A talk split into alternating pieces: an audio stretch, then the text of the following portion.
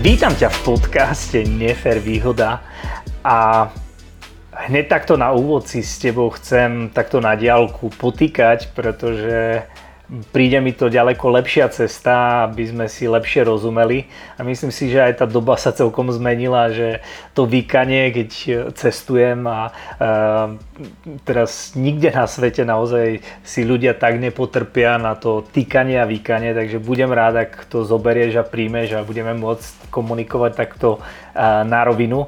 A na druhej strane e, prečo vzniká tento podcast a prečo sa touto cestou chcem s tebou rozprávať je práve dôvod, ja som to tak nejak, keď som sa zamýšľal nad tým podcastom, tak by som chcel, aby to bolo celé také na rovinu a úprimne a budem rád, ak aj, aj ty na druhej strane budeš mať taký, taký open mind a budeš otvorený týmto myšlienkam, informáciám a budem veľmi vďačný za to, ak mi dáš spätnú väzbu cez môj Instagram nefer výhoda cez e, podtržník. Nájdeš nás na Instagrame viacerých s takýmto nikom, ale ale ja som s tým podtržníkom. Všetko ostatní sú moji obchodní a biznis partnery, keďže máme vlastne komunitu nefervýhoda.sk, kde pomáhame ľuďom bojovať proti stresu a zvyšovať výkonnosť, koncentráciu.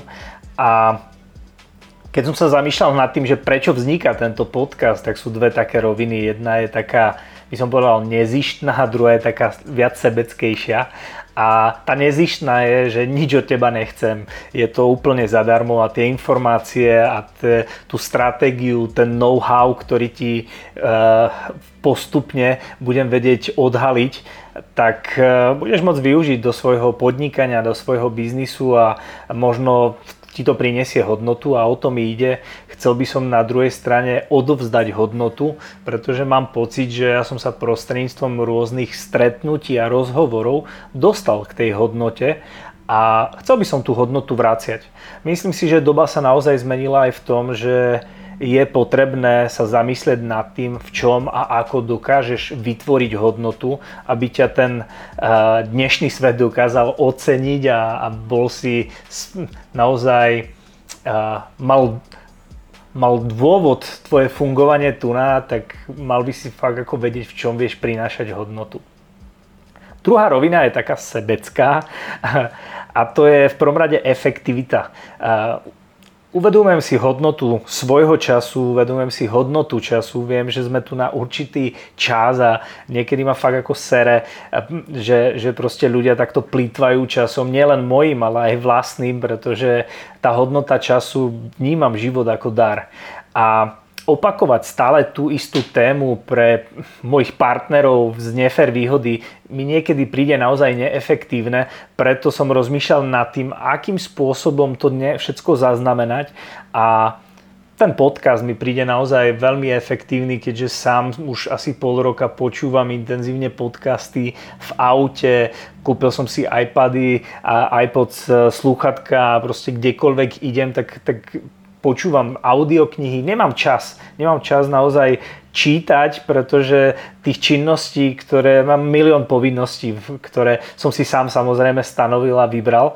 A keďže asi 10 rokov e, už nepracujem, e, nie som zamestnanec, nepracujem pre niekoho, ale vytváram si vlastné projekty. A Druhý, druhý taký sebecký dôvod, prečo vzniká tento podcast, je, že touto formou predpokladám, že do budúcna budem môcť stretnúť naozaj zaujímavých ľudí a budem môcť s nimi robiť rozhovory. A to ma celkom láka e, e, nájsť spôsob, ako sa spojiť naozaj s ľuďmi, ktorí dneska už vytvorili nejakú hodnotu a sú ochotní sa o tom podeliť a odovzdať tú hodnotu ďalej a dostať sa do orbitu naozaj úspešných ľudí niekedy mi príde veľmi zložité a náročné a verím, že touto cestou budem mať možnosť dostať možno aj spätnú väzbu od niekoho, kto sa natrafí na tento podcast a povie mi, OK, tá téma je celkom zaujímavá, rád sa s tebou o tom porozprávam. Čo je čo je vlastne téma tohto podcastu a o čom sa tu chcem rozprávať, tak e, je to taký hacking life, čiže ako hacknúť svoj život, ako, myslím ten výraz, ako, ako vieš hacknúť počítať, že vieš zmeniť nejaký, nejaký návyk toho systému, tak ako zmen, zmeniť návyk u seba, pretože život sme obeťami nejakých návykov a potrebuješ vedieť, ktoré návyky ťa dostanú tam, kde sa chceš dostať. Čiže ako sa hacknúť, ako hacknúť svoj život, ako využiť obmedzené množstvo času, ktoré máme, pretože naozaj jeho obmedzené množstvo a ako sa stať výkonnejší pre dnešnú dobu. Asi aj ty cítiš ten tlak z, zo strany rôznych um, dodávateľov, odberateľov, zamestnávateľa, uh, šéfa v práci. Proste je tu určitý tlak na výkon a prečo ten tlak tu je, čo ten tlak spôsobilo, tak sú to technológie a práve e, veľa ľudí nie veľmi dobre chápe tie technológie. Sám som mal dosť dlhú dobu problém pochopiť, ako tie technológie môžeš využiť preto, aby si sa stal naozaj efektívny, výkonný a nemusel v kúse len pracovať, ale vedel si možno činnosti, ktoré ti niekedy trvali urobiť 10-15 minút, možno cez 2-3 kliky, tak to je podľa mňa ďaleko lepšia cesta zistiť túto stratégiu. Čiže o takomto hekovaní myslím. A považujem túto dobu za fakt ako dobu plnú neistvot a je to úžasná doba, plná neistvot, čiže je tu veľa stresu pre niektorých ľudí a pre niektorých ľudí veľa príležitostí. A ja, keďže dennodenne sa stretávam s ľuďmi, tak eh, bavím sa s ľuďmi, ktorí pracujú v rôznych odvetviach, v rôznych oblastiach. Vidím tú zmenu a za tých 10 rokov, že sa to naozaj prichádza aj k nám tá zmena, ja ju nazývam takou výkonnostnou ekonomikou. Najmä v korporáciách a štáte to prichádza aj u nás, že naozaj ľudia sú platení už len za výkon a, a bude stále viac a viac hodnotený. Zober si sám, keď pôjdeš do ja neviem, nejakého supermarketu na, na nákup, tak tie moderné supermarkety, ktoré sú naozaj veľké už dneska, majú viac robotov, ktoré ťa obsluhujú ako ľudí. A to je presne doba, ktorú keď ja som na základnej škole, na výtvarnej mal nakresliť so zadaním, ako bude vyzerať tá budúcnosť. Ja som kreslil roboty, nedával som im taký tvar, nedával som im e, možno takú formu, ale dneska tu tie roboty sú, e, možno sám doma máš nejakého virtuálneho asistenta, minimálne keď máš iPhone, tak máš virtuálnu asistentku a naozaj ľudský výkon je stále viac porovnávaný s výkonom eh, robota.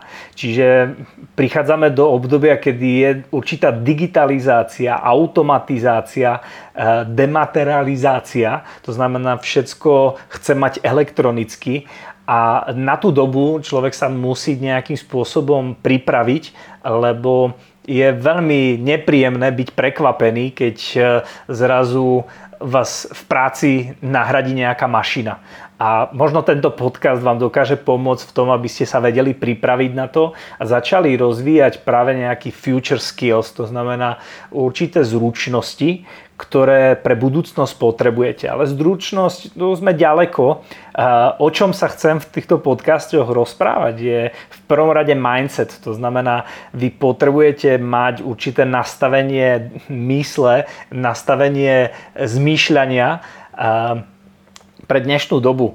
A to ma fakt ako sere, keď sa stretávam s mladými ľuďmi, ktorí e, prirodzene ako kopírujú svojich rodičov a tí rodičia ani bez, bez toho, aby o tom vedeli, tak vlastne oni sú komunisti. Oni normálne v hlave, ten komunizmus je 20 rokov mŕtvy, ale v hlave ľudí ten komunizmus stále žije v podobe rôznych obmedzení, v podobe rôznych nedostatkov, že ja na to nemám, ja to, toho je málo, toho je pre niekoho a toto naozaj je pozostatok komunizmu. Mňa to sere, pretože vidím obrovský potenciál v mladých ľuďoch, ktorí nemajú zlé návyky, ale ten mindset je presne o tom, že rozmýšľajú ako ich rodičia, pretože rodičia im povedali, nájdi si alebo vyštuduj, aby si si našiel istú prácu a ty, ty tí ľudia, tie duše celý život hľadajú istotu. Pritom tá istota je, ehm, je to blúd, ako hľadať istotu. Rovnako je blúd hľadať šťastie,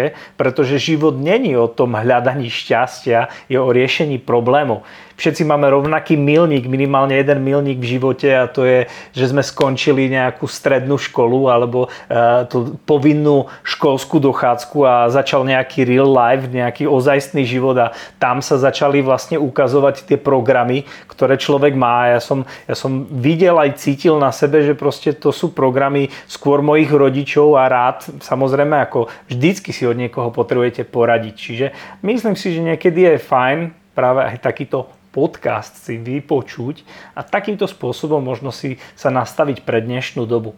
Druhá vec, ktorú, o ktorej sa chcem rozprávať, sú stratégie, ako byť výkonnejší, ako mať e, lepšie výsledky v kratšom čase, pretože môžete mať stratégiu, ktorá bude ešte stále možno použiteľná pre komunizmus. 30 rokov dozadu sa možno používali iné stratégie na vykopanie jamy, ako dneska sa používajú. A to je znova ďalší prúser, že ľudia sa škrabu príliš zložito na hlave, pritom veci sú veľmi simple, veľmi jednoduché. Samozrejme, bude treba vedieť za niektoré veci zaplatiť, preto ti hovorím, že tu na od teba nič za to nechcem. Chcem len, aby si bol ku mne úprimný a napísal mi na Instagram tvoju spätnú väzbu, aby som sa aj ja vedel v niektorých veciach možno vylepšiť, posunúť, alebo ako, ak aj ty hľadáš nejakú príležitosť, ako mať lepší a kvalitnejší život, tak môžeme začať sa o tom rozprávať, pretože tých možností na trhu je viacero. Ďalšia vec, o ktorej už som načrtol, chcem sa rozprávať cez podcast, je vlastne určité skúsenosti, ale skúsenosť je to jak s módou, hej, ona sa mení tá skúsenosť, čiže skôr by som chcel hovoriť o zručnostiach, možno o princípoch. A zručnosti, tie future skills, o ktorých som hovoril, tak um, tie sú úplne iné ako, ako dnešní ľudia naozaj rozvíjajú. Je, je, sú niektoré veci, ktoré sú zbytočné rozvíjať a pre, niek- pre budúcnosť je dôležité rozvíjať úplne iné zručnosti. Uvediem príklad, ja neviem, prezentačné zručnosti. A, taká zručnosť rozvíjať vynaliezavosť alebo Um, ďalšia z takých zručností, ktorú považujem za veľmi dôležitú pre budúcnosť, je vedieť sa prispôsobovať. To znamená vedieť reagovať na nové situácie, ktoré príde, ktoré život a budúcnosť bude prinášať, ktoré technológie budú prinášať, tak aby, aby si vedel správne zareagovať, aby sa vedel prispôsobiť tej, tej danej dobe. No a možno si hovoríš, že kto si ty, že ty mi vlastne takéto veci ideš rozprávať. Prečo práve teba si mám vypočuť? Ja neviem, prečo si prišiel, prečo si si klikol na tento podcast a prečo si sa dostal až k tejto 13. minúte alebo 11.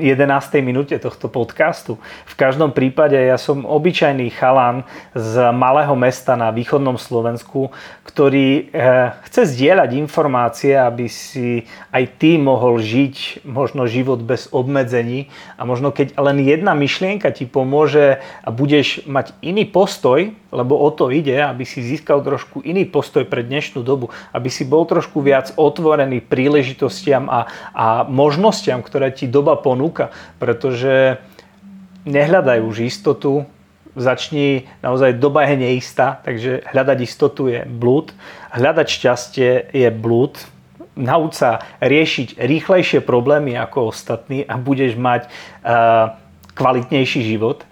A ja som človek, ktorý pred desiatimi rokmi bol zamestnaný, čiže ja veľmi dobre chápem, ako, ako je to mať šéfa, ako prísť za šéfom a povedať mu, počúvaj, mám taký a taký nápad a chcelo by to to a to a, a on, on vás nevypočuje, pretože ste mladí, nemáte možno ten, tie, to, tie skúsenosti, ktoré on má, ale v každom prípade ja som ďaleko viac bol prispôsobivejší ako, ako môj šéf, čiže preto ja veľmi dobre chápem bolesť ľudí, ktorí dneska chodia do práce a nie sú vypočutí, alebo žijú v obmedzeniach, akých som mala ja v práci. Ono to je v podstate na celom svete rovnaký systém.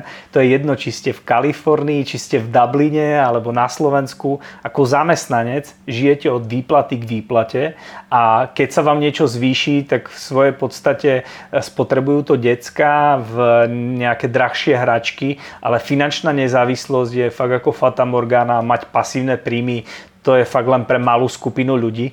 Čiže to je veľmi dôležitá možno taká, taká informácia, aby si vedel, že ja veľmi dobre chápem, ako je to byť aj zamestnancom. A veľmi dobre chápem aj klasickému podnikaniu, keďže aj túto cestičku som si vyskúšal, ale mal som to šťastie, že som spoznal biznis platformu, vďaka ktorej som mohol sa stať rýchlejší kde som mohol vyskúšať a hoveriť svojho, svoju myseľ a svojho ducha a musel som vystupovať zo zóny komfortu a to ma priviedlo k tomu, že dneska, eh, lebo ja som sa bál, ja som nevedel, mm, čo mi tá budúcnosť priniesie, pretože som sa spoliehal na svojho zamestnávateľa predtým a zrazu som sa dostal do situácie, kde všetko bolo na mojich pleciach, ja som musel o všetkom rozhodovať a tiež to nebolo jednoduché. A preto viem, že dneska existujú, eh, existuje lepšia cesta, ale o tom potom možno bude na to priestor v iných podcastoch. Čo by som takto na záver chcel podcastu sa dohodnúť, eh, ako eh, to celé uchopiť, ako, ako možno sa naštartovať k nejakej zmene, tak v prvom rade by som ti chcel povedať, že musíš pochopiť svoj mozog. Hej, ten tvoj mozog, rovnako ako aj môj, funguje, že on potrebuje cieľ.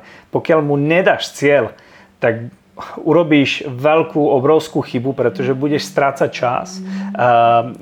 Tvoje podvedomie nebude vedieť, za čím má ísť a, a počúvaj, možno, možno počúvaš ten podcast len tak, ale keď tomu dáš nejaký konkrétny cieľ, že si nájdeš nejaký cieľ, prečo aj počúvať tento podcast, prečo niektoré veci robiť, tak zrazu to má úplne iný šmrnc, úplne iné, e, inú energiu a veci majú energiu. Ak chceš sa stať naozaj energeticky nabitým človekom a mať úplne inú energiu a priťahovať inú energiu, tak stanov si ciele nebuď blbec a fakt ako, nebuď komunista a stanov si ciele. Komunisti mali ciele, ale oni chceli mať ovečky v rámci, v rámci systému. A preto bude fajn, ak, ak si naozaj e, stanovíme pravidlá a povieme si, že ako tie veci fungujú. Ak aj ty chceš mať lepší a kvalitnejší život, tak si musíš stanoviť ciele. Tvoj mozog tak proste funguje. A rozhodni sa sám, či chceš svoj život žiť len tak, alebo si stanovíš nejaké ciele. Budem sa tešiť na spätnú väzbu, ktorú mi dáte cez Instagram, nefer, podtržník výhoda a budem rád, ak e, si zapnete aj druhé pokračovanie. Mám už dneska nachystaných zo pár rozhovorov, ktoré som absolvoval a budem rád, ak e, zostanete a dáte odber, však poznáte tie, tie frázy, že eh, like, odber a, a neviem čo, sa, čo, čo, čo ešte sa hovorí. V každom prípade budem rád, ak eh, takouto formou mi dáš vedieť, že ti to prinieslo hodnotu. Tak vidíme sa na budúce, alebo počujeme sa na budúce. Keď sa mám baviť o tom, že kedy, v akých intenzitách, ja som fakt ako busy man, v niektorých veciach e, e, sa to nedá naplánovať, takže budem sa snažiť tomu dať pravidelnosť, ale bavíme sa zatiaľ o tom, že sme na prvom. Takže ahojte, čaute a počujeme sa na budúce.